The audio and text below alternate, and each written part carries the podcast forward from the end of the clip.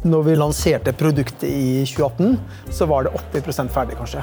Nå er det kanskje et par 80. Men vi skal hele tiden lage det bedre. Så nå sitter jeg og lager Vi ser på modellen for neste år. Den er bedre enn i år. Vi bruker å si at vi har en kunderetta innovasjon. Alt vi gjør, er ut fra hva kundene forteller oss. Vi kan ikke sitte og bestemme hva det skal være. Kundene som bestemmer det.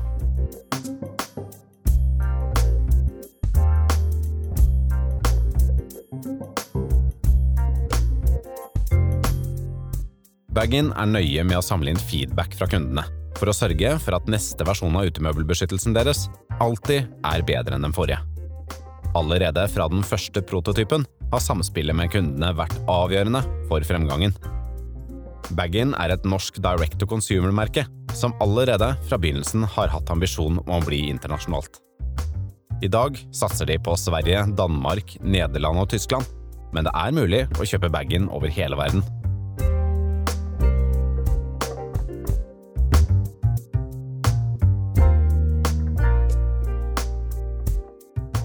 Kåre Normann Sekkesæter, grunner og daglig leder på Baggin. Velkommen. Takk, takk. Hyggelig å være her. Ja, Kåre, kul å treffe, skal vi si. Vi, vi hadde kontakt med hverandre for typ ett og et halvt år siden. Det stemmer, det. Og, og jeg var litt imponert av deg, da, for eh, det er ikke så ofte jeg får samtale fra Norge. Men du, du ringte opp meg, for jeg har jo en podkast i Sverige som heter. Og jeg, du hadde vel lyttet på noen avsnitt der og ville diskutere svensk e-handel? Det stemmer. Eh, jeg syns det var veldig spennende. Eh, svenske markedene og svenske e-commerce har kommet mye lenger enn norske. Og etter å ha lyttet en del på podkastene som du har hatt, så lærte jeg masse. Ja. Da tenkte jeg at det her må jeg få Jeg har lyst til å møte deg. Ja. Og i dag, jeg skal si i dag, om, det, om det låter litt støkete her i ljudet, så er det for at vi er på Next Nordics, den, den store e-handelskonferansen i Oslo. Eller hur? Så att vi, vi hadde mulighet, for att jeg har jobbet litt på å få inn deg i podden, men da lyckades vi styre opp et møte här. Så att, för att jeg tycker at du driver et veldig spennende G2C-brand som heter Baggin. Kanskje bedre at du beskriver hva ni egentlig gjør? Liksom. Ja. ja, det er veldig hyggelig å være her. Beggen er noe som kom ut av i 2017, hvor jeg sto på min hytte sammen med svigermor og så på alle utmøblene som hadde blåst over ende. Vi hadde pakket inn med presenning høsten før. Ingenting hadde fungert. Alt hadde bare blåst bort. Så da tok vi, og min svigermor sa at la oss kjøpe noe material og noe glidelås, og så tar vi og lager en begg. Fant vi ut. Par- Veldig så här løsningsinriktad eh, svärmor, da, måste jeg si. Hun er utrolig og så er hun veldig flink til å se på løsninger. Flink til å sy. Hun har sydd bunad til mine Men barn. hun er ikke medlem i bolaget nå? Nei, hun er ikke det. Hun er pensjonist, så ja. Og etter hvert så klarte vi å få lage en bag som så bra ut. Og da var jo mitt spørsmål er det bare jeg som trenger den, eller trenger den flere. Så da gikk jeg og banket på dører. I løpet av fire uker så banket jeg på 111 dører 111? I, i grannskapet. Eller? hos folk jeg ikke kjente. Ingen kjente jeg fra før. Hvor jeg banket på og sa hei, jeg heter Kåre. Kan jeg få lov til å pakke inn utemøblene dine? Altså Ikke at de skulle betale, utan du skulle bare pakke inn dem? Ja. Jeg skulle kun pakke inn utemøblene. Det var mitt budskap. Mesteparten ble jo interessert. 99 stykker fikk jeg lov til å komme inn på terrassen eller verandaen til. Da fikk jeg se hva slags type utemøbler folk har. Størrelse. Jeg fikk kundene interessert. Og så fikk jeg avsjekket også hva slags prisbilde var de interessert i å betale. Ja, då Frågade du dem hva, hva, hva, hva, hva skulle du betale for denne produkten? Når jeg hadde pakka inn, og de sa sånn vil jeg også ha, så sa jeg jeg har ikke produksjon ennå, men jeg skal lage en liste hvor du er en av de første som skal få den. Men hva vil du betale for denne her? Hvor, stor, hvor stort problem for deg løser dette her? Da fikk jeg tilbakemelding at mellom 2500 og 5000 kroner. Og det vel ungefär du tar betalt i dag? Ja. Aha. Og av 99 som jeg fikk lov til å komme inn på, så etter fire uker så satt jeg med liste med 89 personer. Det var en treffprosent på 92% En ganske bra konvertering, vil jeg si. Da satt jeg og så tenkte jeg at hm, Men jeg har ikke selskap. Jeg har ikke produksjon. Svigermor kan ikke sy alt. Jeg har ikke penger. Jeg har ikke team. Så det viktigste først var jo det å få tak i noen som kunne hjelpe meg. Og da hadde jeg noen jeg kjente i Drøbak, som jeg tok kontakt med. Så hadde jeg hørt om meg. Og Kanskje en gammel venn? Eller? En uh, venn av min frus venninne. Uh, og når jeg kom og viste en liste med 92, 89 personer som ville ha den Han var da CFO hos XXL, som er en nordisk eksportkjempe. Er et stort bolag. Ja. Veldig stort bolag. Dette ville jeg være med på, sa han. Og så fant vi ut at vi måtte ha også en som kunne markedsføring. Da kjente jeg til en, men han var for dyr. Men etter å ha snakket med han og fortalt hva vi skulle, så forsto han at det her ville være med. Så, så, han var så dyr så han fikk bli medgrunner? Han fikk medgrunner, så jeg solgte andeler av mitt selskap til de for å få være med. Og det har alltid sagt, jeg vil heller eie litt av et selskap som blir mye verdt, enn å eie 100% av noe som aldri blir noe. Så vi hadde en softlansering på våren. Hva mener du med en softlansering? Altså, Vi hadde ikke bager. Jeg hadde, jeg hadde ikke bestilt ennå, for jeg hadde ikke penger. Så vi brukte et, et, forum hvor vi kunne vise bagene, og så kunne folk skrive seg på liste. Og så bygde jeg opp da en ordrebok, og kunne betalte da. Og betalte da, og jeg fikk pengene. Så altså du betaler i forskudd? Ja, ja. Så da hadde vi en 600 kunder som gjorde det, og da hadde vi nok til å kjøre produksjon. Altså jeg må si, Det her er nesten sånn tekstbok hvordan man ja. smart starter et bolag. Du begynner med en, du har et problem mm. som du syns er viktig, og så kollar du rundt. Masse andre syns det er også viktig. Du gjør en prisundersøkning. Så bygger du et team ut fra ditt nettverk. Jeg, mener, jeg syns det låter som en fantastisk start veldig fin start. Og når vi hadde da 600 stykker, så hadde vi nok til å kjøre en produksjon. De kunne betalte i februar, og fikk begge i august, fem måneder etterpå. Altså, det er jo ikke riktig sånn folk er vana i dag med. Liksom. Nei. Nei. Men det fortalte meg også at det problemet jeg løser, er så stort at kundene er villige til å betale så lenge forskudd. Du må jo være dyktig også på å bygge fortroende hos mennesker. Folk, eller? Jeg mener, ja, jeg håper det. Jag menar, om man er beredd att liksom legge, inn peng, legge inn 5000 for å få en leverans et halvår senare, för, for det ikke ens finnes en bild på det. Och, og ikke inte da då, Vi var på en boligmesse på Vestlandet i, i mars. Hvor uh, målet mitt var å vise bäggen på den boligmässan, Men det var også å prøve å få tak i noen som kunne hjelpe oss. Og da var Halvor Bakke og et par andre interessante. Men alle skulle jo snakke med dem. Så det å få tid til å snakke med dem var jo ikke mulig. Så der sto jeg på standen min. Ingen kom bort til meg, for ingen så hva det var. Ingen hadde hørt om oss. Og så hører jeg bare plutselig en som sier Dette er jo bare genialt. Der sto Halvard Bakke, og i løpet av fem minutter så sto det 50 kunder der som skrev seg på lista hos meg.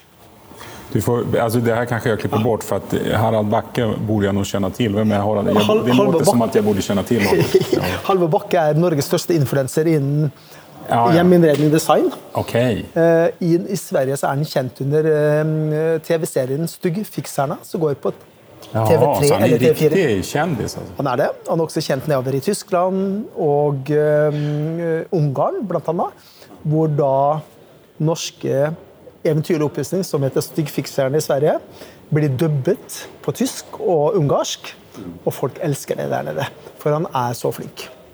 Så når vi Altså norsk influenser som er stor i Tyskland? Ja.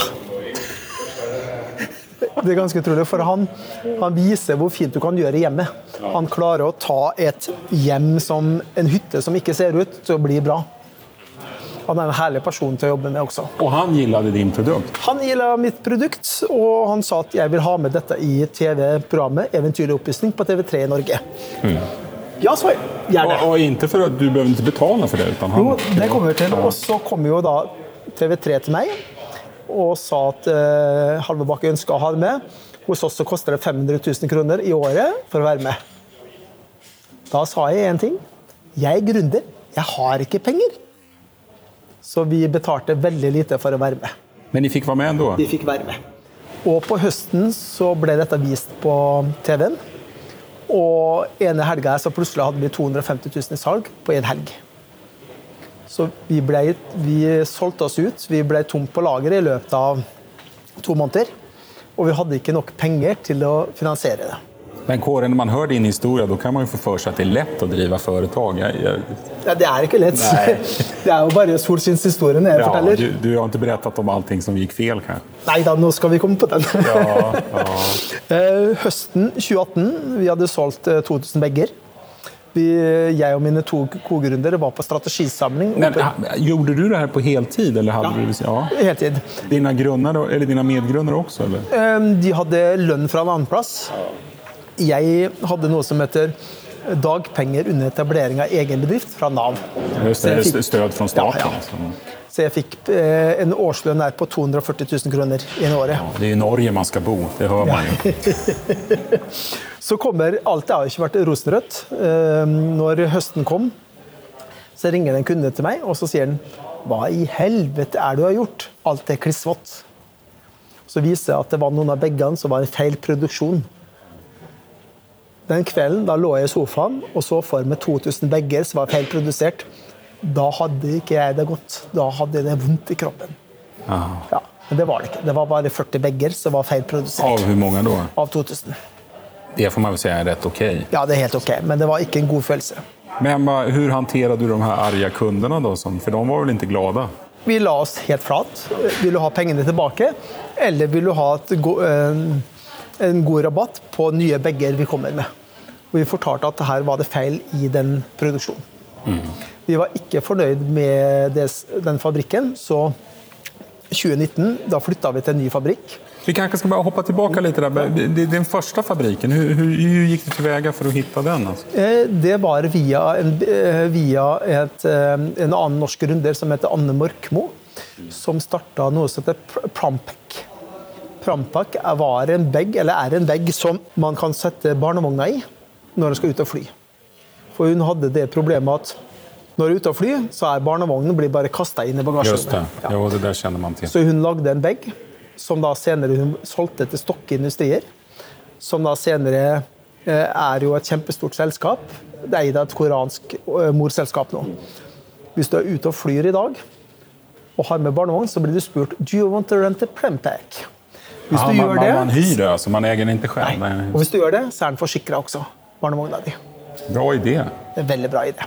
Så jeg tok kontakt med henne. For jeg er en person som jeg tar kontakt med alle hvis jeg ser at jeg kan Har, dem. har du ingen hemninger? Nei, alle Skulle, skulle du kunne ringe opp statsministeren? Ja, hvorfor ikke det? Ja, hvorfor? Hvorfor ikke? det? er menneske. Kanskje det er hyggelig også. Men jeg, jeg gjør ikke for å selge noe. Nei, du, du vil bare bygge kontakten. Bygge kontakten, fortelle om hva jeg holdt på med og Storesand. Og så spør jeg ofte hva kan jeg gjøre for det. Og jeg tror ofte jeg ber om hjelp, men jeg tror nok jeg hjelper mer andre enn jeg får hjelp tilbake. Nei, men du, det som vi började med å si, du hørte jo av deg til meg. Ja. Og, og jeg, jeg, jeg bruker, når folk vil prate, så bruker jeg å være åpen for det. Tyvärr så, så er ikke alle like trevliga som du var. For jeg kände jo bare at jeg hadde et roligt og trevligt samtal. Sen visst, tenk, det, det kunde, jag kanske aldrig hade träffat dig något mer. Eller, nu sitter vi her og prater podd. Men, men jag har ju varit med om, tyvärr allt för ofta, att folk vill träffas och sen bara hårdsäljer dem. Ja, ja. Eller ska pitcha in att de ska vara med i podden stenhårt. Och, och, det, det, det, och det vet jag ju när jag pratar med mina vänner och så också. Det är ingenting som gör dem... För jag känner ju många e-handlare där leverantörer vill vara i kontakt med. Men om man bara liksom hårdsäljer mot dem. Det, det får man göra. Alltså, nej, man bygger relation och sen pitchar man när det, när det är tid för pitch. Ja, og så tror jeg jeg husker godt hvorfor jeg tok kontakt med deg. For det var du hadde hatt intervjuet et par personer, og jeg ønska å komme i kontakt med de. Just det. Og en av dem var jo han som Nå står det helt stille hva han het, men han, han bodde i Gøteborg. Og Han hadde jobba mye med eh, svensk e-handel. Ja, någon konsult eller sånn? Konsult, ja. Ja, Ikke sant? Og du kunne fortelle litt om han. Du hadde intervjua han for halvannet til to år siden. just det. Ehm, ja. Ja, jo, ja, men det är bra. Ja. Men nu ska det, inte om det, det är inte det vi ska prata om. Vi ska prata om deras fabrik. Fabriken. Fabrikken, Eh, som sagt, første fabrikken var veldig varierende kvalitet. Men du, du, du hittade den via den här vägen? Via Prampek Ja, så kom vi i kontakt med de. Ja. Ja. Eh, Men vi så at det var veldig varierende kvalitet. Det var en kinesisk fabrik. Kinesisk fabrik, ja. Vi var ikke der og besøkte dem, men vi gikk ut fra de vi møtte i Norge, sa at de var bra nok. Da vi så etter hvert at vi solgte bra, vi ønska å skalere opp, så forsto vi at vi måtte ha en fabrikk som kunne garantere oss mye mer leveringskvalitet og kvalitet på bagene. Men hvor hittade du den da? Da var det via en annen bekjent som eh, kom til meg og sa Kåre, du må snakke med Erik i Porsgrunn. Jeg dro til Erik, og sammen så fant vi ut at han kunne hjelpe meg, for han hadde fabrikker som han hadde brukt i Kina. Men før dette her, så har jeg også prøvd å finne fabrikker i Norge, i Sverige. Jeg har vært nede i Göteborg flere ganger også, på en fabrikk der. Jeg vil ikke nevne Men det navn. väl, i- nej, men nei. gjør man sånt holder jeg på å si? Jo, alltså men- i Norge og i Sverige. Det, det låter, det låter udda. Nei, og den, den i Sør-Sverige så var det, en, det er et svensk selskap. For å si det sånn, det var liksom, nei, De hadde ikke trua på det jeg skulle lage. De trodde ikke på Nei, det. Trodde ikke at det ville bli noe. Det hadde de ikke tro. For de for, du ville egentlig tilverke i Sverige eller Norge? nei, de ble pålagt for han sjefen jeg tok kontakt med. Han sa dra ned dit på fabrikken og snakke med dem. Okay. Så de ble liksom pressa på. Men fabrikken i dag er vi veldig fornøyd. Vi har vært på fabrikken, besøkt dem. Det er Är det så lett å bare åke inn til Kina og åke åka på en fabrikk? Nei? Det låter, det låter lett når du sier det. Men... Ja, det kan du si. Nei, Vi hadde med oss han Erik, som hadde jobba med den fabrikken i 15 år. Erik har også da en eh, ansatt der nede så hjelper ham. For det er En kines altså? Eller? en kineser, han Ja. Lawrence, en utrolig hyggelig kar, som eh, drar rundt på fabrikkene som Erik bruker der nede. Og holder kontroll på det her. For det er sånn å si at det er mange som har produsert i utlandet, har sett at første produksjon har vært bra, og så har det blitt dårligere kvalitet. Så og det derfor- kan jo døde et bolag. altså. det kan ødelegge. Så vi har en veldig altså, fokus på kvaliteten hele tida. Både fabrikken, og så leier vi inn et selskap som heter SGS, som er verdens største innen kvalitet, som kommer inn på uanmeldt og sjekker veggene hele tida. Og per i dag Så vi har alltid en, en Alltid. extern kvalitetskontrollant? Vi har satt opp at fabrikken utfører åtte sjekkpunkter på hver eneste vegg. I tillegg så Det, kommer det ingår i liksom Ja. tilvirkningskontrakten? det er det, og Lawrence kommer inn og tar stikkprøver. I tillegg så kommer SGS inn og tar ut bager og sjekker. Så det er ordentlig kontroll? Veldig ordentlig. Men ingen kontroll når det kommer til Norge? Sånn, eller? Nei, de er ferdigpakka. Så den der, og per i dag så har vi en reklamasjonsgrad på 1,3% som er svært lav. Det må være bra. Veldig bra, så da fungerer dette her. Ja. Og no, fabrikken er veldig fornøyd med oss, men vi ønsker også å ha en fabrikk til. For å sikre opp, Eller? For å sikre opp. Vi har en kapasitet i dag på 40 000 bager i måneden. Men med de planene vi ønsker å, som vi har, så må vi ha mer enn det. Ja. Så da holder vi på med fabrikk i Vietnam. Så vi håper skal kjøre i gang med det. Og det er et svensk selskap som heter Multisourcing Asia, som er et svensk bolag. Er det, er det liksom et tilleggsbolag eller er det en sån sourcing-konsult? Det er et sourcing-selskap, som bl.a. lager alt for Craft. Uh -huh. Hvor hittade du det da? Det har du glemt. Ja, nei da, vi, de var um, en bekjent Jo, en dame som heter ø, Jannike, som driver noe som heter Primepack. Primepack er resirkulerte poser som bruker til du kan sende ting i posten med. Og hun sa til meg Kåre, ring Joakim, han kan hjelpe deg. Hadde møte med Joakim, gikk gjennom, og han har fabrikk i Vietnam. Og vi ønska å spre risikoen hvis noe ting skjer med Kina, USA Eller korona. Eller korona. Ja. Ja. Og Vietnam er jo et veldig spennende land. I tillegg så har den mm, Innovation har også da fabrikker i Afrika. Og er det noe jeg tenker som er spennende, så er det å få produksjonskapasitet også i Afrika. Og er det noe vi trenger, så er det mer arbeid for folk som bor der nede også. Det syns jeg er utrolig spennende. På den annen side så er det mye kortere reisevei derifra til Europa også. Det er sant. Ja. Så mm, ja. Så det har vært en utrolig reise. Det har vært utrolig mye jobbing. Hva, hva er dine viktigste lærdommer av det her å source selv og ta fram egne produkter gentemot fabriker i vi, vi blir aldri ferdig med produktet. Det blir aldri Jeg har sagt at når vi lanserte produktet i 2018, så var det 80 ferdig, kanskje. Nå er det kanskje et par 80. Men vi skal hele tiden lage det bedre. Så nå sitter jeg og lager Vi ser på modellen for neste år. Den er bedre enn i år. Så hver modell skal være bedre Ja. enn den innan? Og, men jeg skal ikke bestemme hva den skal bli bedre på. Det er kundene. Men Hvordan får du inn synpunkter fra kunderna? Kundene sender oss mail, de renker oss på Trustpilot, andre der, og så spør vi dem. Vi sender spørreundersøkelse. Er det ting du ser som vi kan gjøre bedre på begge? Vi bruker å si at vi har en kunderetta innovasjon. Alt vi gjør, er ut fra hva kundene forteller oss. Vi kan ikke sitte og bestemme hva det skal være. Kundene som bestemmer det. Jeg vet jo at du har tatt fram ytterligere en modell, bag-in-modell for, for medelhavsklimat. Ja, og det er veldig spennende. Og det Er, var er det også fra kund, eller? kunde, kundegenerert. Det var kunder som kom til oss, flere kunder. Få huske på at det er 140 000 nordmenn, svensker og dansker som har feriebolig i Spania. 140 000. Det Ja, det er noen stykker. Ja, ja. Og der det vet alle at alt blir spist opp av sola og UV. Ja, for det er ikke vann og, og, og snø som sabber det. Sol, Sol og UV som spiser opp, og Sahara-sanden som gjør at alt er røtterne når Sahara-sandstormen kommer. Det er kanskje til og med er verre enn norsk klima? Eller? Mye verre. Mye verre.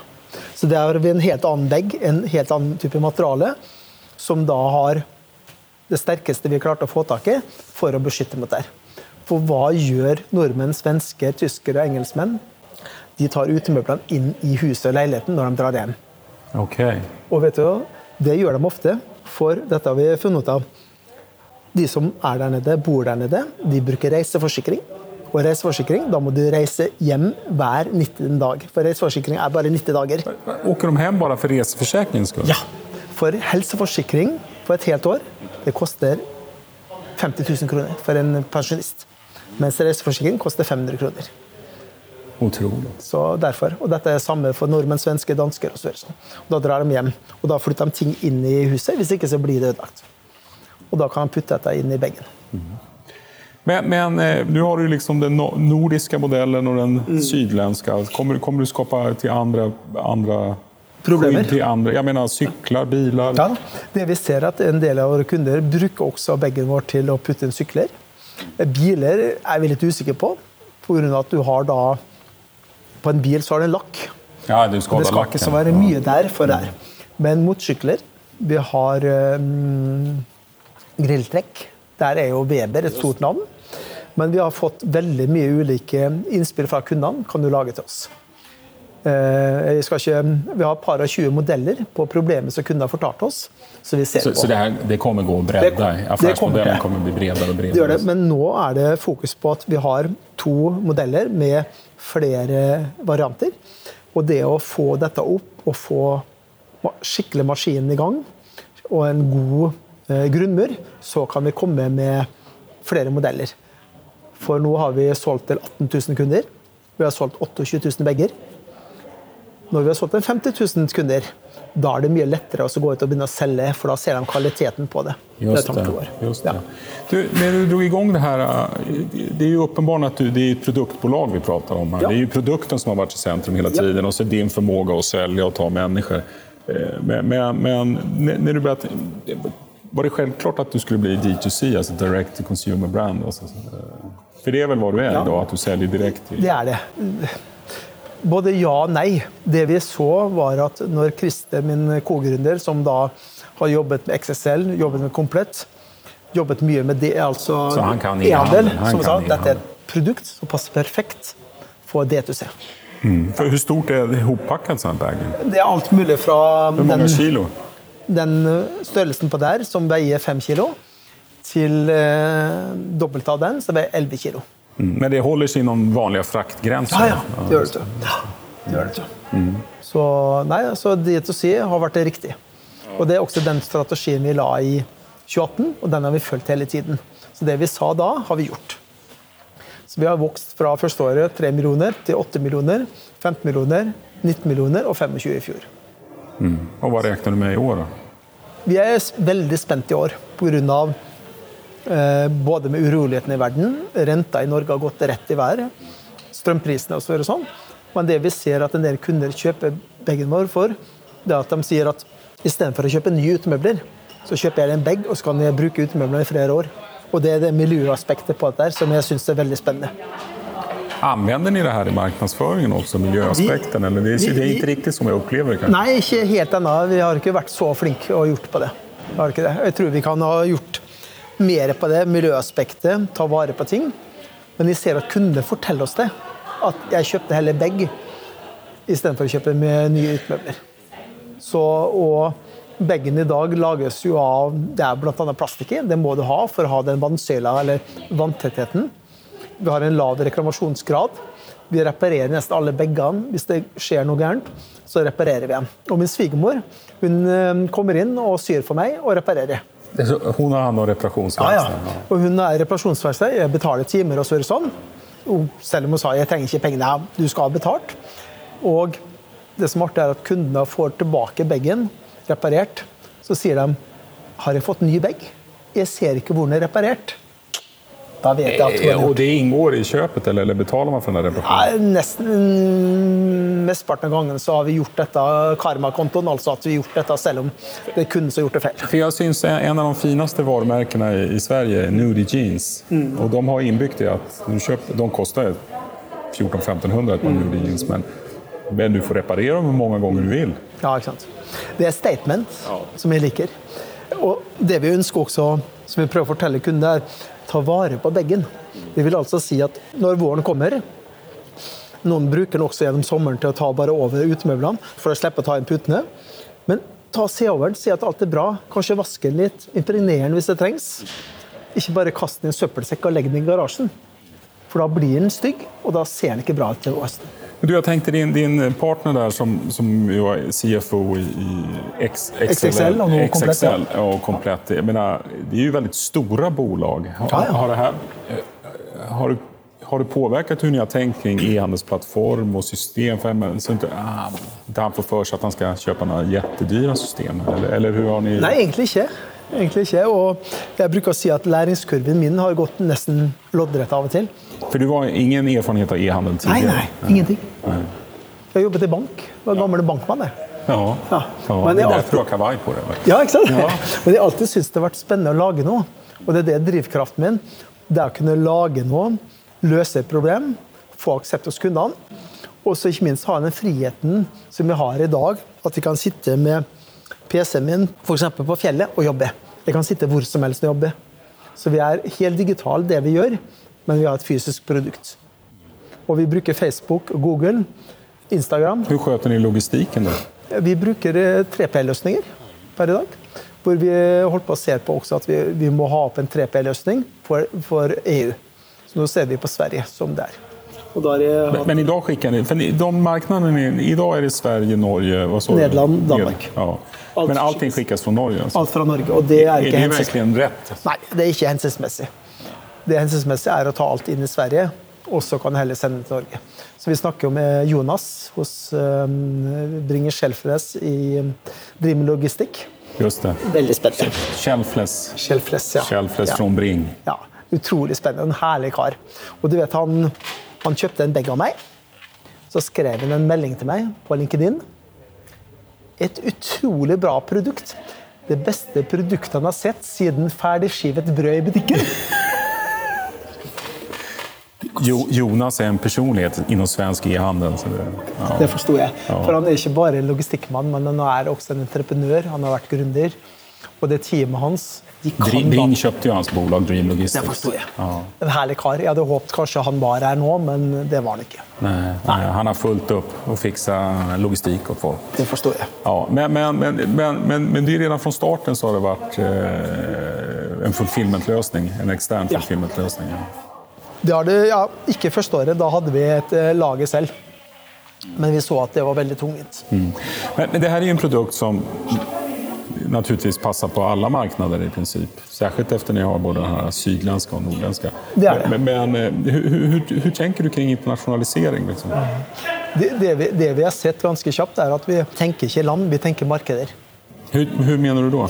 Jeg tenker at um, vi det vi håper å sitte og lage planer for nå, er at vi, vi lanserer i et marked kan være Amerika.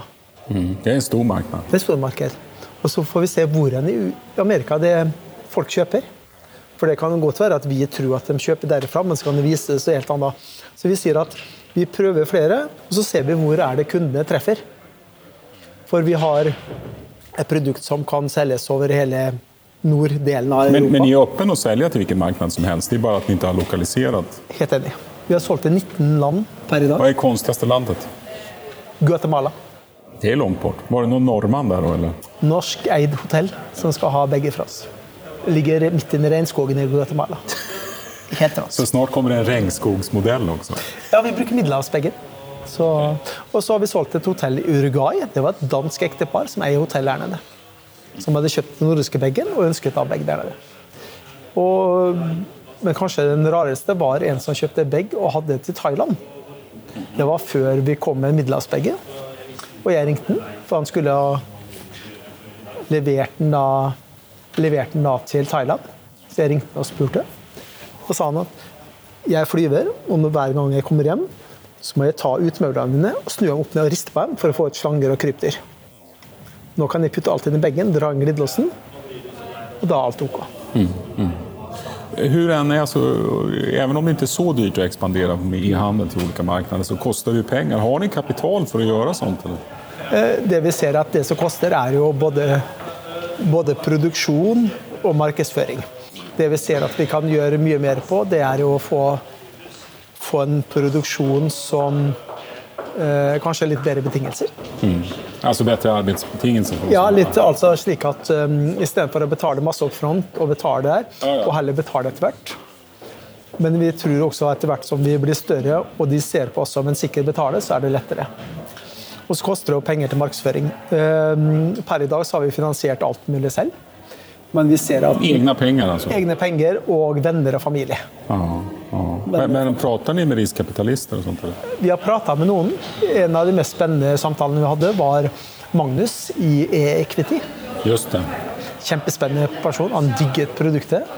Men som han sa Men er, er for små for dem. Vi er for små ennå.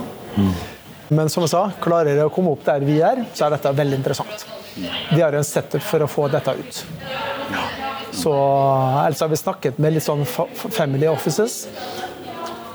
Men både for også å lære selv og se hvordan Ja, hva syns de om deg og selskapet. Og det vi ser som vi treffer godt på, det er teamet. Det at vi er såpass ulike erfaring, så komplementerer vi hverandre veldig godt.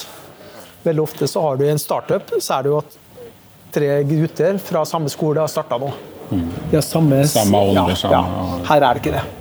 Du har en CFO, du har en selger alt mulig vann som meg, og så har du en som kan å bygge websider. som har drevet eget digitalt byrå i 20 år. Nei, men, eh, alltså vad, om, om ni nu skulle någon gång i framtiden eh, i, i Equity skulle investera i er, för de har ju varit med i min svenska podd mm. två gånger till och med. Eh, Det första de gör är å att titta över teamet. Det var det også Magnus som han sa i EQT. Han likte veldig godt teamet. Ja. Eh, Han skulle gjerne mm, at vi var, Da vi snakka med han, så omsatte vi for 16 millioner. Hadde det ikke vært opp en 78 millioner, så kunne vi begynne å snakke sammen. For de har en setup som vi ser kunne vært passa oss veldig godt. Hvor lang tid tar det for dere å komme til det da? 75 millioner? Ett år. Det så, det, du räknar med det? Ja. Med de planene vi har nå, og hvis vi får på vi, Jeg kom akkurat fra et annet møte her i stad, hvor vi holdt på å skru sammen da et advisory board-styre. Og det har vi ikke hatt haft tidigare? Eller? Nei, det har vi ikke hatt. Och då är, det, da er det bredere kompetens Da er det bredere enn kompetens. grundarteamet? Alltså. Ja. Da er det folk som jobber, sitter i utlandet. Hur det du, är, är det for at du har vært i kontakt med riskkapitalister som at du börjar, liksom bygga, alltså börjar bygga processer och Ja. Og podkastene. Jeg lærer utrolig mye av podkastene til deg, Urban. Ja. Eh, hvordan man har gjort og alt mulig sånn. Og det er eh, flere av podkastene jeg har hørt flere ganger også. Det er eh, veldig lærerikt. Og jeg sier at det er vi i Norge skulle ha hørt mye mer på sånne podkaster, for her kan du få gratis. Mye gratis. Hva som är, tycker jag är ganska intressant är att folk, om, man ger folk tid och, och behandlar dem med respekt så är de beredda att berätta mer än de kanske egentligen borde. Ja, nei, jeg, jag har jo alltid sagt at det er liksom Mennesker er mennesker, så det er liksom det å ta kontakt med folk. Men man skal ikke, som du sa i stad, ikke prøve å selge noe. Nej, det är ingen bra idé. Hvis jeg kan presentere meg, fortelle hva jeg holdt på med, Søre, høre hva han holdt på med, og han da sier at du, ja, men jeg trenger det du selger. Da Ja, men sen, jeg sen glad. tänker jag Når man kontakter, folk kontaktar meg, och så tenker jeg Ja, det, det kanskje aldri blir noe, men, men man vet aldri. Flere av sånne der er ganske slumpartede møter der man ändå har lagt litt tid og vært litt åpen og vennlig. Så, så två, tre år senere hører de av seg og har noen kjempebra mm. grej på gang der man får være med. Liksom. Det, det, har hendt meg flere ganger i livet faktiskt. Det er akkurat det. Du, du bygger relasjoner, og, og, det å hjelpe og jeg, Som jeg sa i stad, ofte så kommer det folk til meg, så jeg har enten på LinkedIn eller andre ting, hvor du kjenner en person der kan du hjelpe meg inn i selskapet der? Enten han skal selge noe sånt. Og da bruker jeg alltid å si jeg skal gjøre det, men du må fortelle meg hvorfor jeg skal gjøre det. Altså, det problemet du løser med ditt produkt, er det stort nok for det selskapet der? Da må folk jobbe litt. Det er ikke sånn at du skal bare åpne døra. Og, ehm, og det, det, å ta vare på det nettverket og sånn er veldig viktig. sånn som jeg ser det. Ja. Du, avslutter litt her. Hva, hva er nærmeste planene nå for, for Bergen? Nå er det å lage en playbook for tre til fem år. Hvor vi setter opp da, hva er det vi skal gjøre. Når skal er det med den nye styrelsen? Med nye styret. Ja. Eh, for å legge planene for å gå fra 30 mil til 300 mil. Ja, Det er bra at du har litt ambisjoner, syns jeg. Det er det. Og den reisen nå, det er det som blir gøy. Nå. Er det det roligste du har gjort i livet? Dette er det artigste jeg har vært med på i mitt liv. Hvorfor er det så rolig? Du lærer noe nytt hele tiden. Eh, jeg treffer herlige mennesker, bl.a. sånn som med deg, Urban. Og så er det der at du, du skaper noe, og så løser jeg et problem som folk har. Og som sjefen for Skanska, store entreprenør, sa, det produktet trenger jo alle. For alt som bygges i dag, bygges jo etter primærromprinsippet. dvs. Si bod og gangplass er her. Så folk har ikke bod lenger. Nei, det er sant. det er sant. Ja, garasjet har de bygd soverom i. Ja, ja, ikke sant? Og Går du nedover i Europa, Nederland og sånn, så er det, det er jo, de har ikke bod, og garasje har du ikke til bilen engang. Nei, nei, nei. Jeg ser det. Jeg bor i 50-tallsradhus. Mm. Og eh, moderne biler får ikke plass i garasjene til de her 50-tallshusene. Jeg, jeg, glemmer aldri det er en liten artig 2018 sto på Boligmessen i Bergen. Så kommer det en eldre eh, dame fra Bergen. og å, den der så fin ut, sånn vil jeg ha. Og så sier hun til mannen sin, da, som høy Sånn skal vi ha. Og så sier han nei, vi trenger jo ikke det. Og så ser hun bare på hvor mange år skal du fortsette å bære utemøblene i garasjen, Arne? Altså, og da er alt en kjeft, altså. Folk tar utemøbler og putter i garasjen. Det er ikke bra. Hva skal du gjøre når du blir gammel? Ja, jeg har funnet nye affærsmodeller til det. Eller jeg har nye, men det har du sikkert ikke tenkt på. Jeg tenker båter, jeg tenker eh, bildekk, bildekk. Ja, ja elände å konka fra kjelleren. Altså. Bildekk pga. at det, bildekk er ferskvare. Ja. Og vet du at jeg, kjøpte, jeg hadde en gang en Lexus som en firmabil i et selskap jeg jobba for mange år siden. Så var jeg og henta nye dekk. De lå i egen pose. Bra, tenkte jeg. Så skulle jeg ta hele posen. rakna. Ja, ja, de er skreppposer. Ja. Kåre Narman Sekkesæter, grunner og daglig leder på Baggin. Kul det var å treffes utrolig gøy å være her og fortelle litt om hva vi holdt på med og bli kjent med Urban. Det har jeg virkelig sett frem til. Ja, og jeg er glad at du hørte av deg for et og et halvt år siden for meg for bare å spørre meg litt om svensk e-handel. Stort takk. Tusen takk. Hei. Hei da. Hei.